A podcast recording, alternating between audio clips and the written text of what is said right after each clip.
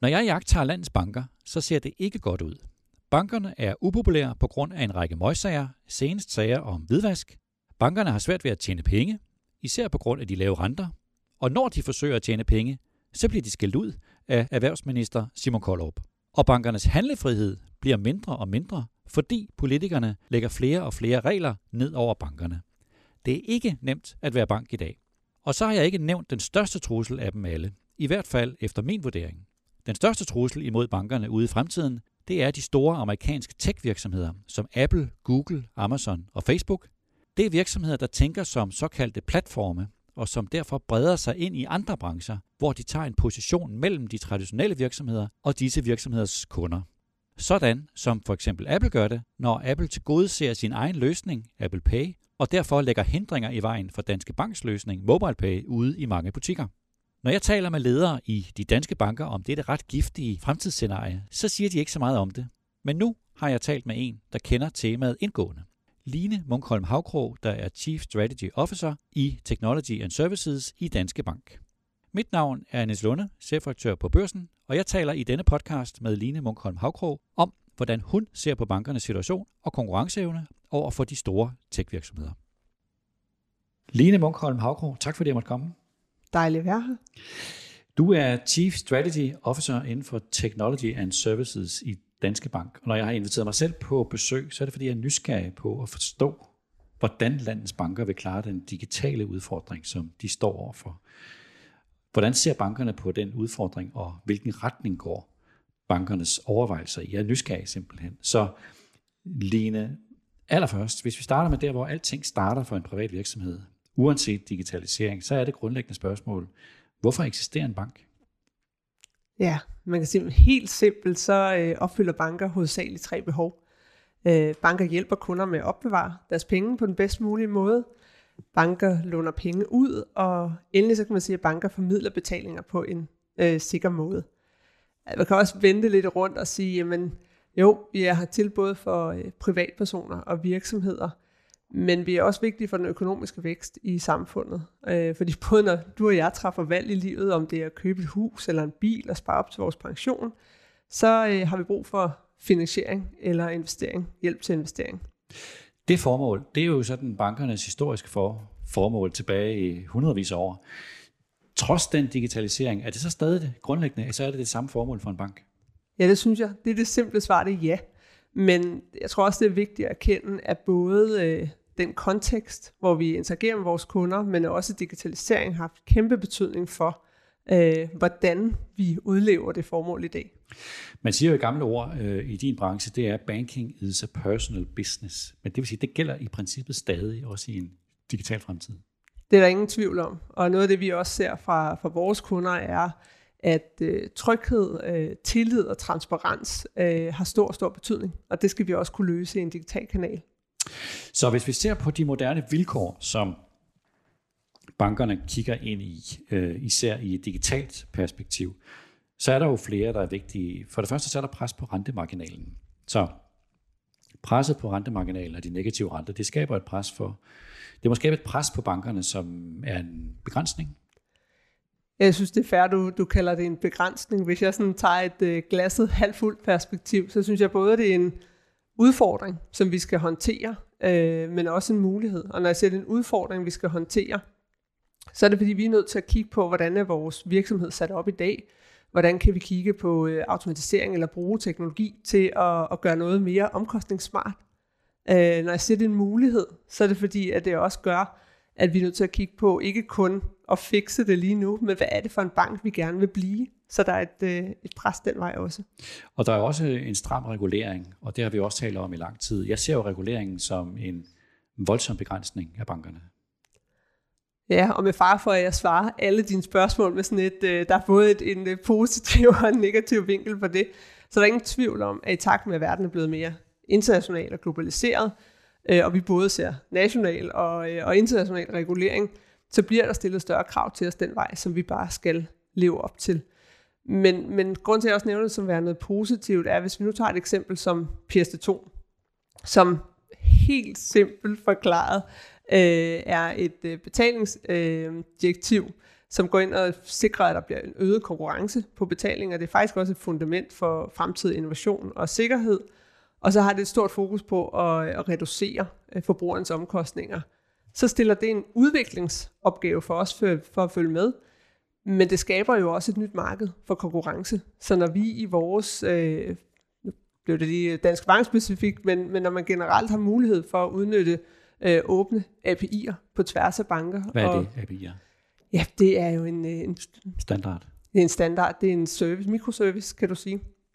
Øhm, men når, når vi bruger dem, så vi, kan vi for eksempel i en mobilbank skabe et overblik, ikke kun over den konto, du har hos den givende bank, men på tværs af alle. Så om det er... Men vil det være fair at sige, at øh, rentemarginalen presset på den, øh, stram regulering osv., det giver en mulighed selvfølgelig, men det giver også, det giver i hvert fald en brændende platform, der er så voldsom, at man i bankerne er nødt til at, næsten at genopfinde sig selv. Det er man nødt til. Og øh, som sådan teknologiperson, så øh, vil jeg sige, det er også lidt en øjneåbner i forhold til, at vi er nødt til at kigge på vores øh, infrastruktur og se, hvis den ikke er løs koblet, men øh, som vi sådan lidt populært øh, nogle steder i, i branchen kalder legacy, altså sådan en gammel spaghetti-infrastruktur, så får man svært ved at, at følge med, eller der skal i hvert fald en betydelig større investering til, for at kunne øh, bevæge sig fremad. Nu nævnte du øh, PSD2 som et eksempel. Er der andre eksempler, bare sådan kort på, hvad skal vi sige, nye services eller nye øh, initiativer øh, inden for digitalisering, hvor man sådan har imødekommet, at kunderne nu forventer mere digitalisering? Ja, jeg synes, at øh, kan nævne flere ting. Øhm, digitale initiativer, noget som vores øh, mobilbank, hvor øh, den ville jeg sikkert også have sagt, øh, hvis vi havde talt sammen for 10 år siden. Men der er ingen tvivl om, at det vindue ind til øh, finansielle virksomheder bliver vigtigere og vigtigere. Det skal være den, du foretrækker at bruge. Det skal være enkelt, intuitivt, øh, og du har den jo med dig hver dag, kan man sige, i mobilen. Men hvis vi så zoomer ind på andre tendenser eller digitale øh, initiativer, så der er ingen tvivl om, at data og brugen af data, hvad enten det er til at skabe et forbrugsoverblik, eller til at sikre, at øh, banken kontakter dig på det tidspunkt, du forventer med den information, der er relevant for dig. Det er et vigtigt område.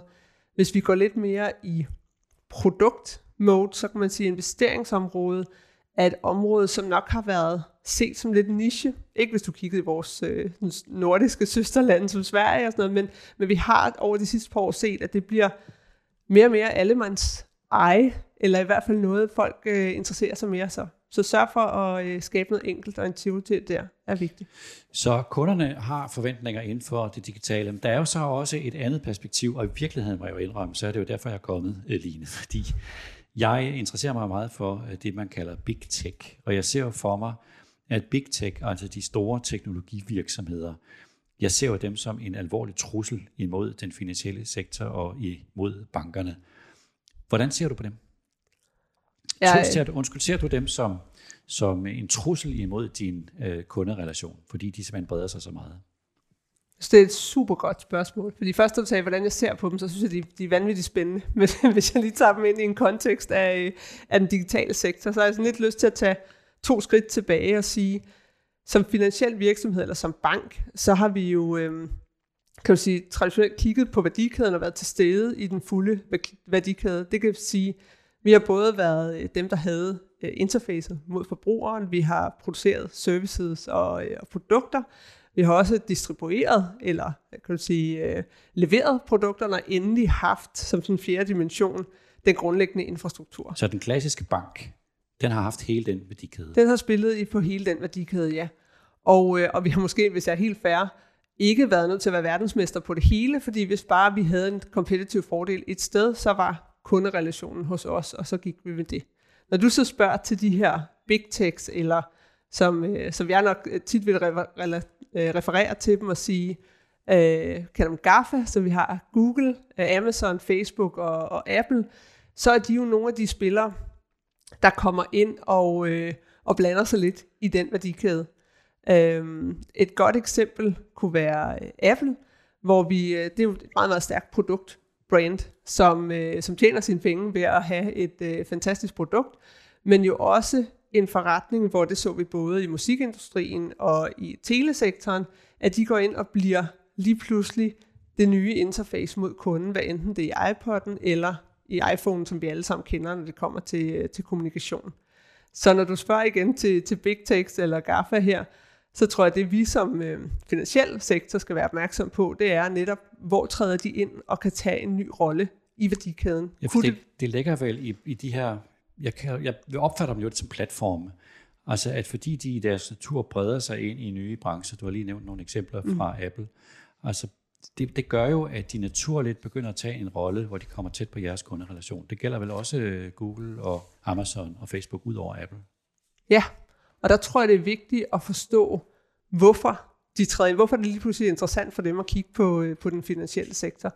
Og hvis man lige går væk fra, fra Apple et øjeblik, man kigger mod, øh, mod Facebook eller, eller Google, så er der ingen tvivl om, at, og nu sidder jeg og udtaler mig for deres vejen, det skal man passe på med, men som, som jeg ser det, øh, det der er interessant i den finansielle sektor er øh, data.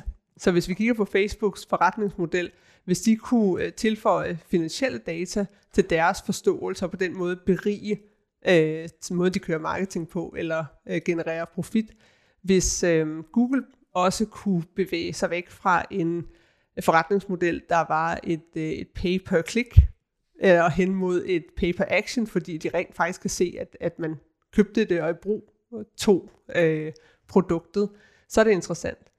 Så derfor nu bliver det sådan en lang vej rundt om, om de her øh, gaffer, men tilbage til dit spørgsmål, så tror jeg, det er vigtigt, at vi som bank forstår, hvor kan de være en medspiller, og hvor kan de være en, en modspiller og det, og det gælder også Amazon.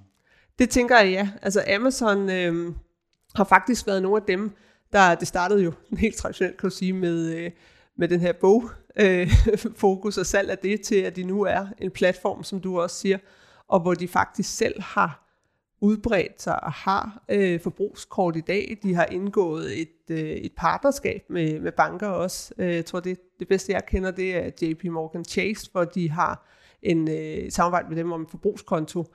Så de, de begynder jo at strække kan du sige, deres økosystem, deres forretningsmodel, ud over den handelsplatform, de Så for alle de her fire, du har nævnt, Google, Facebook, Amazon og Apple, ja. hver på deres måde, kan man se, i hvert fald lidt længere ned ad vejen, at de vil begynde helt naturligt i forhold til deres forretningsmodel at brede sig ind i jeres forretningsmodel? I en, øh, i en ikke begrænset verden, og nu brugte jeg sådan det ord, det ved jeg ikke, om det er rigtigt, fordi det vi skal, som jeg i hvert fald husker på, lad os sige, der, der er to vigtige ben, som banker også står på i dag, som kommer til at tælle ind i det her. Det ene er den meget stærke kunderelation, vi har i dag. Øh, det andet er øh, den regulatoriske agenda, som ikke bliver mindre i den finansielle sektor. Så, så det, der bliver interessant at se, er jo også, hvor meget kan de rykke den vej, hvis det er det, de gerne vil. Og så vil jeg også, fordi nu kommer det næsten til at lyde som om, at bankerne ikke har noget at skulle have sagt, eller ikke kan bevæge sig i det her. Jeg er ret sikker på, at øh, man som bank også har nogle valg, man skal træffe nu, omkring hvilken type forretningsmodel man gerne vil øh, have i fremtiden. Hvad ser man, man bliver til om 5 og 10 år? Når man ser på bankernes historiske værdikæde, at man har haft en samlet værdikæde. Hvordan kan man se den blive brudt op i kraft af for eksempel, at Big Tech begynder at tage kunderelationen? Jeg ser grundlæggende fire, om man så siger opmærksomhedspunkter eller, eller risici. Trusler. Trusler, ja. Øh, hvor, hvor man kan sige, en er, øh, og det okay, er simpelthen ikke det danske ord, men disintermediation, som er lige præcis det eksempel, jeg også nævnte med, med Apple før, at, at bankerne potentielt går ind og mister adgangen til kunderne, fordi de vælger at gå ind i en, i en ikke-bankkanal, kan man sige. Øhm, derudover som et andet element, så, øh, så det kunne man navngive adskillelse, hvor produkter og tjenester ikke længere er integreret øh, ind til, øh, til, til der, hvor man føler, man skulle have relationen med kunden. Som et tredje øh, trussel eller risici, der taler man om det her commoditization. Commoditization. Ja, det er håbløst ord. Håbløst ord. ja, ja. Det vil egentlig også sige sådan standardisering, ikke? Hvor, øh, hvor banker, øh, eller trusselsbilledet er, at man kunne kæmpe for at skille sig ud, da kunder kan sammenligne en til en, hvad får jeg her? Øh, jeg er næsten nødt til også, når vi nævner den, sådan lige at sige, det er også meget simpel tilgang til den finansielle sektor, hvis vi forestiller os, at kunden vil, eller kunder, uanset om du er erhverv eller privatkunder, vil sammenligne produkt på produkt, fordi grunden til, at vi har en stærk relation til vores kunder, er, at vi forstår sig i helheden. Så det er en lidt interessant trussel. Jeg tror ikke, man skal affeje den, men det er nok en af dem, jeg nemmest kunne, øh, kunne modgå, hvis man skulle. Så fjerde element er øh, usynlighed. er simpelthen, at man mister bevidstheden omkring bankbrandet, fordi vores services optræder i, øh, i andre sammenhænge, og øh, du kan få adgang til dem uden at kende brandet bag. Er det et problem, hvis banken ikke har hele værdikæden? Det behøver det ikke være. Jeg tror, det er et problem, hvis man ikke træffer et øh, meget bevidst valg om, hvad man gerne vil.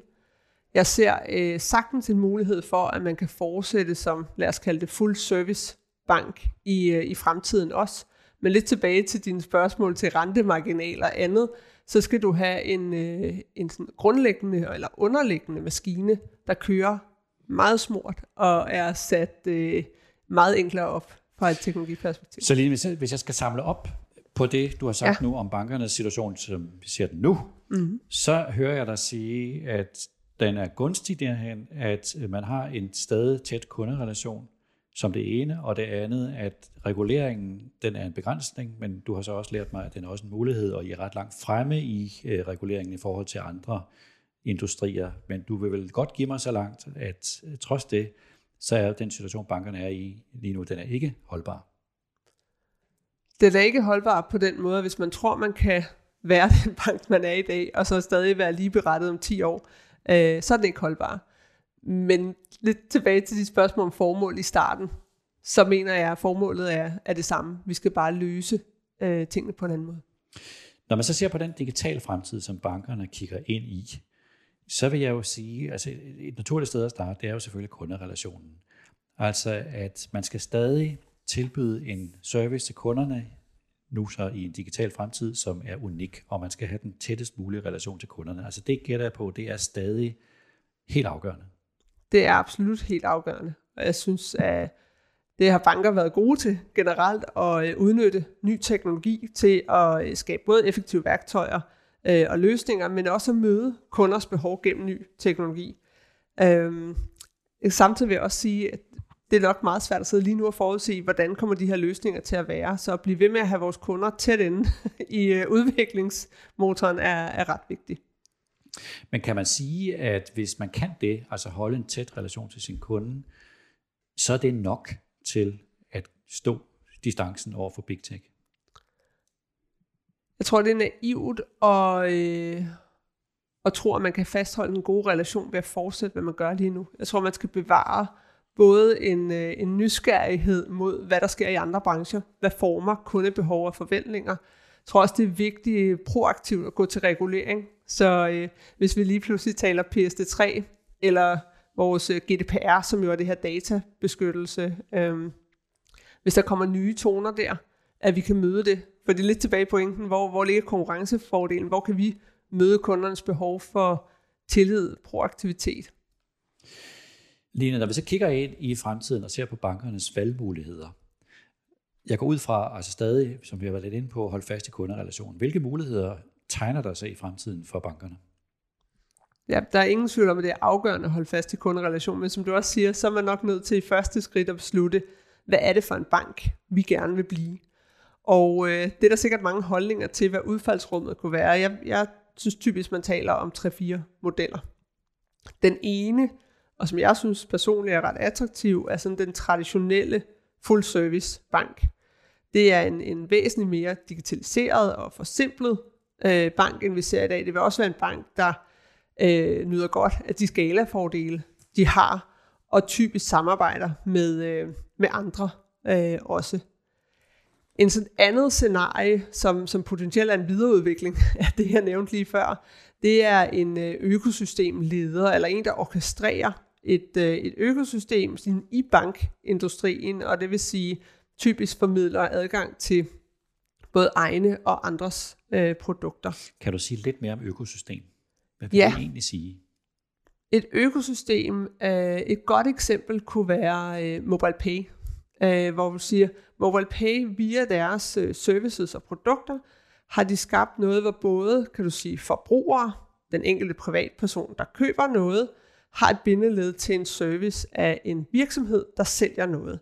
Så MobilePay har i sin app og med sine andre øh, services skabt et univers, hvor både du som lille eller stor virksomhed kan modtage betalinger, håndtere det, sende kvitteringer, og jeg som privatkunde kan du sige, oplever den anden del af det. Så denne her dualitet, som også typisk er kendetegnet ved øh, platform, og når man taler platformsøkonomi. Det er så et lille økosystem, hvor jeg tænker, for en stor bank skulle det være det større økosystem, man skulle sigte mod. En tredje øh, sådan strategisk valg, man kunne tage som, øh, som bank, vil være mere øh, teknisk funderet, så sådan IT-infrastruktur øh, øh, platform, hvor man siger, jeg vil gerne gå ind og konkurrere imod, eller blive partner med de aktører, der er i banken. Og, øh, og det vil måske også være her, hvor man siger, en del af de produkter, banker producerer i dag, for eksempel på kapitalmarkedsområdet, det vil være kerneforretning i, i sådan en virksomhed. Og så kan man enten til det her, der er fjerde scenarie, som, som for nogen jo lidt er, er skræmmebilledet også, hvor, øh, hvor du er produktfabrik eller motor, så også den her del af værdikæden, vi talte om øh, tidligere, hvor du simpelthen fokuserer på at levere det bedste produkt, øh, og så i modsætning til, kan du sige, traditionelle banker, som vi kender i dag, ikke har noget imod, at det er nogle andre, der distribuerer eller leverer produktet. Er det sidste det, man kalder en utility? Ja, det vil jeg kalde det. Godt, vi kommer lidt ind på det måske, men det vil sige, du ser for dig, i, når bankerne orienterer sig ind i fremtiden, man skal vælge, man skal træffe et valg. Ja. Man kan ikke bare sådan jeg tænker mellem et og to, altså det her, om du vil være økosystemleder, eller inden for nogle områder vil være det, øh, eller om du vil være en fuld bank, der har du nok lidt frihed endnu. Det som, øh, som, når jeg siger, at man skal vælge, så er det også fordi, jeg tror, det valg står nu. Du står og siger, øh, øh, at, at hvis, nu nævnte selv Big Techs øh, tidligere, at med hele den konkurrence, der sker, hvad enten det er fra de store spillere, eller det er fra fintechs, hvis du bliver for øh, sådan vekslende over de næste par år, så er jeg simpelthen ikke sikker på, at man får skabt den platform og den simpelhed, enkelhed hedder det nok, internt, til at du kan rykke og navigere i, øh, i det landskab, der skal være. Det vil sige, at bankerne står for et dilemma, blandt andet det dilemma, at øh, enten så skal de investere voldsomt i teknologi, for at kunne fastholde deres kunderelation, eller også er de nødt til at acceptere de underleverandører til andre, der ejer platformen. Det er virkelig dit fjerde scenarie, uh, utility. Det lyder for mig som et ikke særlig rart scenarie. Øhm, jeg, jeg er enig med dig i, at det, det er et dilemma eller et strategisk valg. Øh, jeg vil sige, det var ikke et rart scenarie, hvis, hvis vi blev tvunget ind i det nu. Jeg mener stadig, der er en mulighed for nu, at du kan vælge det, som man skal være opmærksom på, uanset hvilke af de fire scenarier, man vælger, eller et femte eller syvende, teknologi er rigtig vigtig i alle sammen. Og de teknologiske valg, du tager lige nu, om det er at simplificere, automatisere, digitalisering dine processer, eller om det er på produktsiden, og, og gøre det til det nemmeste produkt, og, øh, og, og kan sige, udstille i andres kanaler, så er det nok nu, du skal starte for at, at stadig være en relevant konkurrent der om 5-10 år. Jeg er nødt til lige at spørge dig også, om ikke andet så for min egen sådan forståelse skyld. Der er jo en diskussion omkring Apple Pay og Mobile Pay. Altså det her med, at Apple Pay, eller Apple, i kraft af sin størrelse og i kraft af sin teknologi, tager en position imellem Mobile Pay og, og kunderne. Det må være ubehageligt for en bank at opleve det. Jeg synes, ubehageligt er et stærkt ord. Jeg, jeg tror, jeg vil sige, at det var irriterende. men, øh, men altså, hvis man lige tager det, det lidt større perspektiv. Måske skulle du, undskyld, måske skulle ja. rent teknisk forklare problematikken. Ja, det, det er fair. Øhm, jamen det man kan sige, det er, at det er jo Apple Pay, der er i deres iPhone, og det, det er jo kun i iPhone, øh, har en, øh, en løsning, hvor de bruger den her NFC-chip i iPhone til at betale. Og det betyder også, at øh, Apple kan teknisk i deres iPhone spærre for, at, at andre kan bruge det samme. Så derfor har vi jo fra, øh, fra MobilePay, hvis vi tager det som et eksempel, jo været nødt til at sige, okay, den mulighed er der ikke. Øh, hvad er det så, vi har? Og heldigvis, øh, nu nævnte jeg MobilePay som økosystem øh, før, men det er jo en, en service, hvor vi har meget mere end den øh, løsning i butikken, og vi ser faktisk, at i takt med, at vi har faldende brug af kort og, øh, og kontanter, så har vi stadig fortsat en stigende brug af, øh, af mobile pay.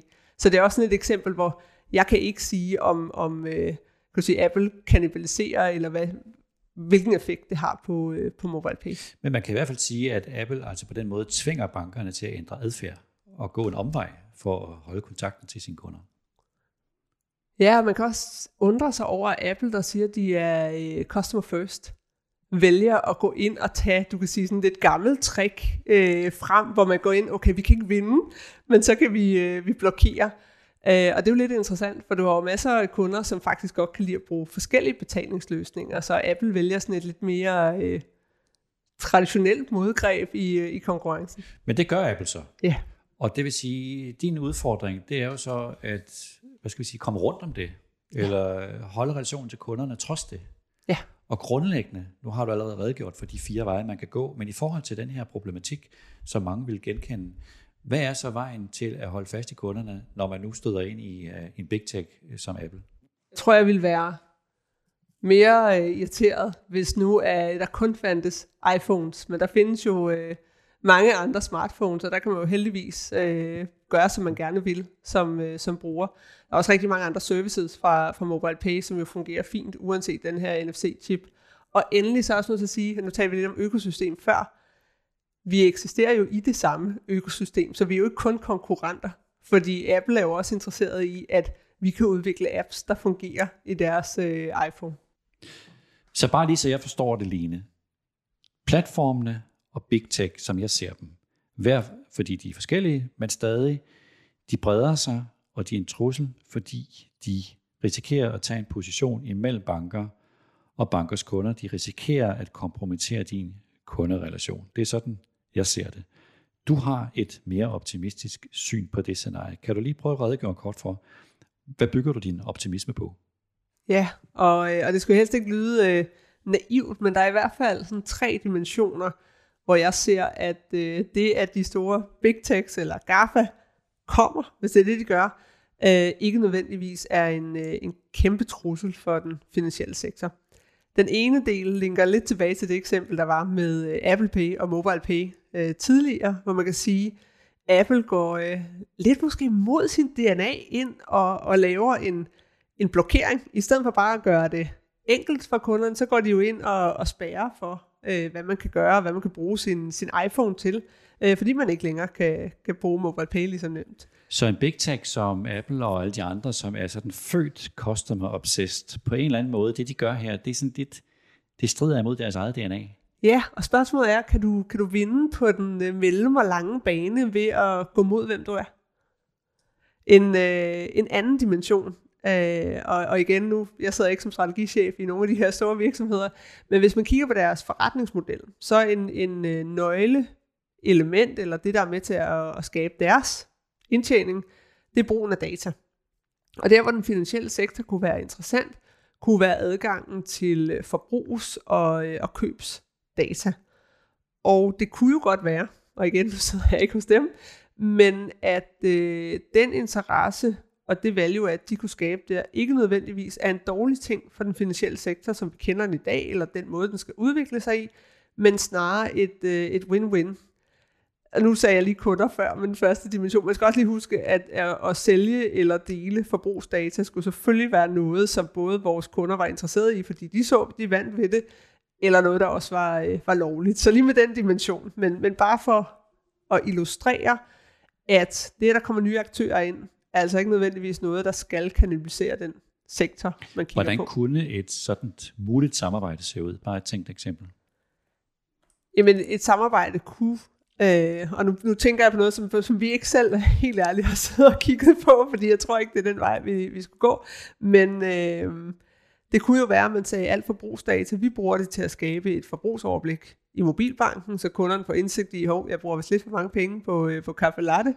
Der kunne, øh, hvis man sidder i Apple, kunne jo sidde og tænke, ah, hvis vi lige pinger, at hov, nu er det i nærheden af der, hvor du plejer at bruge kaffe latte, så kunne de lave en kampagne eller service af, af den vej. Det kunne også være Facebook eller Amazon for den sags skyld.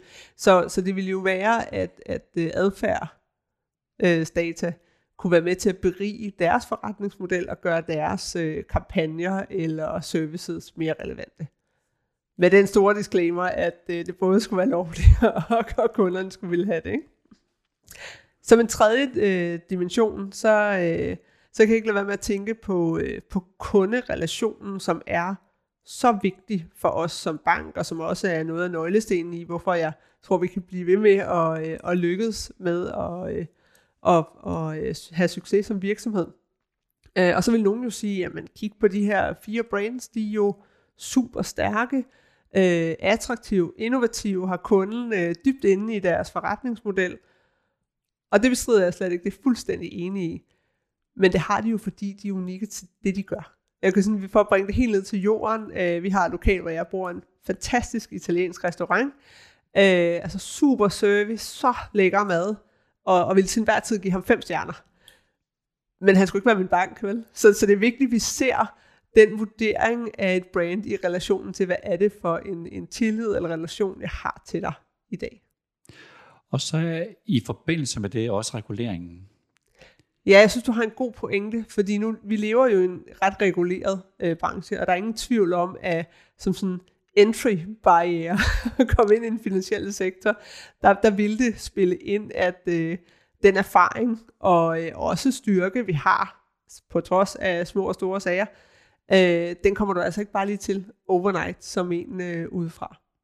Forventer du inden for en overskuelig fremtid at se en dansk bank gå sammen med en Apple eller en Google eller en anden øh, big tech, hvor de så tilbyder kunden det lækre øh, finansielle overblik, og så en bank, som vælger at koncentrere sig om de kapitaltunge dele, som der er et lavt afkast på, en utility. Aktivt tager det valg.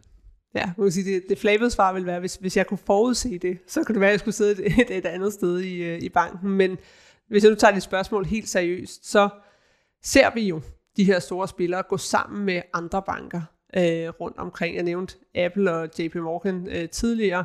Der er også eksempler, hvor Citibank er, øh, er gået sammen med en af de andre. Så det ville ikke være mærkeligt, hvis vi så det. Når det så er sagt, så er det ikke sådan noget, jeg lige har hørt på jungletrummerne. Øh, og det kan også være, og nu bliver det et lidt langt svar, men vi ser jo blandt andet øh, Facebook, der lever af de her øh, ads og tjener penge på øh, den marketing og, og andet, der kører den vej. At med den seneste softwareopdatering, vi alle sammen har fået vores iPhone, så hver gang du åbner en app, så bliver du spurgt om, vil du dele din lokation? Så der kommer en øget grad af forbrugerbeskyttelse ind hele tiden. Altså lidt nysgerrig på, når vi kigger et år frem, eller to år frem, om den forbrugerbeskyttelse måske også igen giver de her store spillere lidt håndjern på, eller gør, at vi skal lave partnerskaber på en, på en lidt anden måde. Så hvis vi skal til at samle op, Line, på, på de her ting, hvordan er dit bud på en attraktiv og realistisk forretningsmodel for en traditionel bank om sådan 3, 4, 5, 6 år? Der er ingen tvivl om, at når, hvis vi tager udgangspunkt i de scenarier, som jeg beskrev tidligere, så synes jeg, at de muligheder, der ligger som full service bank fortsat. Det var, det var scenarie 1 af de fire. Det var, ja, det var scenarie 1. Der synes jeg, der er en masse omkring at bevare den meget stærke kunderelation. Vi øh, kigger i dag den skala, man, man også øh, kender i dag, samtidig med, at vi stærkt får forsimplet øh, den organisation, øh, vi er, den måde, vi arbejder på, for digitaliseret vores processer. Men det vil også være en, en bank, hvor øh, sådan et emne som øh, sustainability øh, vil fylde mere og mere det ansvar, vi har i samfundet, den forståelse af den måde, vi udvikler og laver øh, produkter og services på, hvad det egentlig har af betydning, både for den enkelte, men, øh, men også bredere set. Så jeg kan jo næsten heller ikke komme ud om at tale om, om en fremtidig øh, model, uden at nævne øh, risiko og compliance. Øh, det er jo et tema, som er vokset over de, de senere år, og jeg vil sige, uanset hvilken model du som bank øh, går efter, så er det et fundament, øh, du skal stå på. At du har styr på øh, den regulering, der er, at du har styr på de risici, du tager.